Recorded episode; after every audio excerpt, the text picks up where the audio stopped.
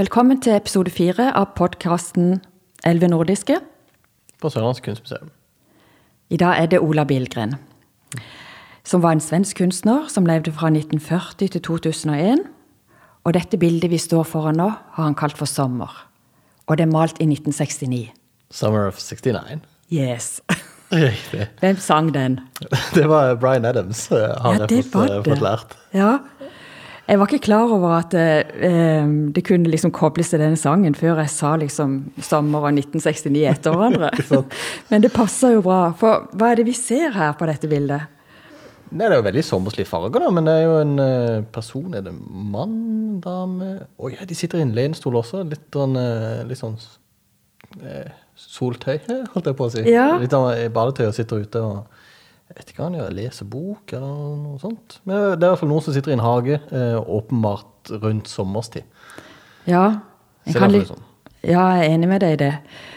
Men eh, jeg syns det er noe som er liksom enda mer spennende enn det i dette bildet. For legg merke til hva Ja, ikke sant? For ser det ikke ut som at vi står liksom inne i et rom, i et mørkt rom her? Jeg synes vi står inne i en l- lita hytte. Ja. Eller et lite sommerhus. Hva får deg til å tenke at det er et sommerhus eller hytte? Det er en liksom oppvaskkommen, det er litt rart å si, men eh, Ja, det, det ser veldig rustikt ut. ja det gjør det. Så det ser ut som et sted du ikke er eh, til vanlig, men du er litt sånn, eh, litt sånn av og til. En ser også en sånn en veldig gammel dør med en gammel lås. Veldig gammel nøkkel. Ja, Og så legger du merke til den lampa i forgrunnen der. Ja, ja det ser ut som Det- en sånn parafinlampe, nesten. Ja, det gjør det. Ja, ja, ja. Sånn er vi på hytta. Ja, riktig. Ja. Der hvor de ikke har strøm. Da har Ja, du sånt. der hvor du ikke har strøm. Nettopp. nettopp. Så um, han, eh, Ola Bilgren, han var autodidakt, altså det vil si at han var selvlært. Mm. Han gikk ikke på skole for å lære å male. Alt dette. Men begge foreldrene hans sine var kunstnere, så han lærte jo selvfølgelig sikkert en del av de. Men For de- her ser det jo ut som det er 3D-modeller inni, inni bildet. At det er 3D-modeller? Ja, altså Den ene kroppen er midt i. Ser ut som det er noen som har lagd en, en 3D-modell i, et, eh, i et dataprogram. plassert inn. Jeg skjønner at Ja. ikke det er gjort det i 1969, Ja, ja, ja. men det ser jo litt sånn ut. ja, det er sant. Han eh, Vi kan jo kalle det at han maler fotorealistisk. Når jeg så bildet hans bare på en dataskjerm før det kom her til utstillinga, så var jeg sikker på at dette var foto. Så han maler på en helt annen måte enn det vi har sett disse andre kunstnerne gjøre Ja. i de andre episodene. Men det er, jo, det er jo to litt forskjellige stiler her også, ser det ut som. Altså, nede i bildet så er det veldig fotorealistisk, og oppe er det litt mer klassisk. eh. Ja, nesten sånn impresjonistisk, som vi sier, at liksom det er Ja, mer det er sånne flekker, på en måte. Ja, det er sant. Ja, Ja, Det er det er et poeng.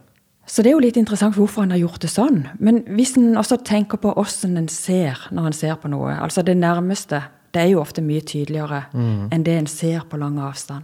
Så han får jo også oss til å føle at det er jo et, eh, en avstand mellom dette rommet der vi står, Og kanskje han bare var og så der nærsynt. ute. Kanskje han var veldig Så nærsynt. alt, alt, alt som var i lag borte, ble litt diffust. Ja. Men hvis en ser litt nøye på overflaten, så er det veldig sånn jevnt. eh, i forhold til, Eller i motsetning til noen av de andre kunstnerne vi, som vi har liksom snakka om før. Eh, det er nesten som en sånn fotooverflate. Vi kan ikke se liksom penselstrøkene. Alt er liksom jevnt. eh. Og Åssen får man sånt til? Nei, Det er jo veldig mye øvelse, selvfølgelig. En må være teknisk veldig god. Hvis en kikker rundt på de andre bildene her i, i rommet, så legger han jo også merke til at eh, det er jo ofte sånne hverdagsmotiver han maler. Ok. Og nå når de skal beskrive bildene, så syns de at de liksom pendler mellom det ytre og det indre. For det er noe sånn veldig sånn stemningsfullt i disse bildene.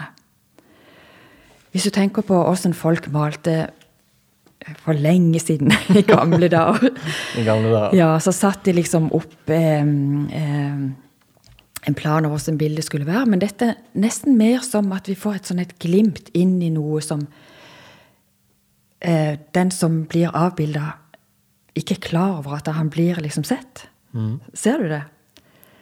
Ja, Akkurat som noen skulle bare tatt et sånt foto mens de gikk forbi, og så Litt sånn står det paparazzi-maling. Ja, nesten. Rett og slett. Paparazzi-maling. Det er ikke liksom komponert opp etter Nå skal vi vise den personen, men eh, det er mer liksom den stemninga. Og kanskje vi liksom Her står vi Det er nesten som vi står inne i dette mørke rommet og så ser ut på denne mannen som sitter ute i hagen. uten at han er klar over det.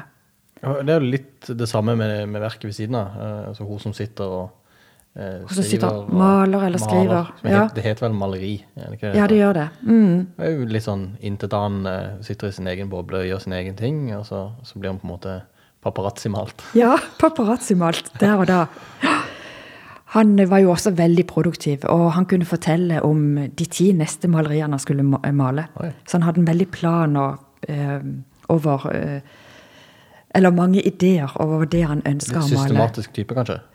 Ja, kanskje. Eller veldig spontan. Ja, Det er hvor ikke godt å spontan er si. du hvis du planlegger ti verk sammen? Ja, men at det, liksom, at det poppa opp liksom, sånne ideer og sånn, det Ja, var ja, sånn det er et jeg poeng. liksom Ja, så det er et for meg. poeng. Mm. Ja. Veldig idérik.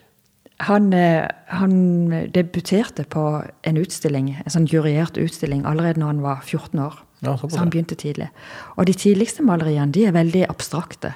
Så han eh, bevegde seg fra det å så male veldig sånn abstrakt, at ikke du kunne se hva det var, frem til dette her, hvor du kan se liksom virkelig detaljer. For, for sånn er det litt i dette rommet også. Da har vi jo disse veldig fotorealistiske her, med, med sommer og, og maleri. Mhm. Og så på andre siden av rommet så er det jo disse oversiktsbildene fra Hamburg er jo litt sånn eh, Litt sånn diffust abstrakt, i hvert fall. Mhm. Ja, det er og, det. Og det, det svære her i midten. Det er ganske nytt, er det ikke det? Jo, det er vel det nyeste, eh, eller det seneste lagde han da. For det er jo ganske abstrakt. Så kanskje han har gått Ja. litt tilbake, eller kanskje bare var en idé han syntes var gøy, eller jeg vet ikke. Det er ganske instre- interessant det bildet der, for um, en kan jo på en måte skjelne visse ting i det. Men det som er litt rart med det, er at det ser ut som at det er satt sammen av forskjellige steder, hvis du ikke ser nærme på det. Så han arbeider på, på forskjellige måter, og det er også veldig fint med denne utstillinga her og denne Tangen-samlingen.